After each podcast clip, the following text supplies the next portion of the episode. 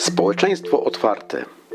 Społeczeństwo otwarte wykształciło się wówczas, gdy odrzucono dawną strukturę społeczną opartą na poddaństwie i stopniowo zastąpiono ją systemem odwołującym się do idei obywatelstwa.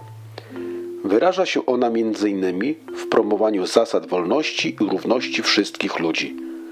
Obecnie bardzo mocno podkreśla się indywidualizm człowieka i możliwość jego różnorodnej aktywności w życiu społecznym. Ponadto, w przeciwieństwie do dawnych epok, współcześnie społeczeństwo wymaga od jednostek tolerancji wobec różnorodności kulturowej, religijnej czy światopoglądowej. Zasada otwartości i tolerancji stała się podstawą wielu regulacji międzynarodowych oraz przepisów prawnych w poszczególnych państwach. Oczywiście nie jest tak, że wszędzie na świecie zapanowały wolność i pokój, ale w odróżnieniu od przeszłości w życiu społecznym dominuje oczekiwanie, by ludzka godność była zawsze chroniona.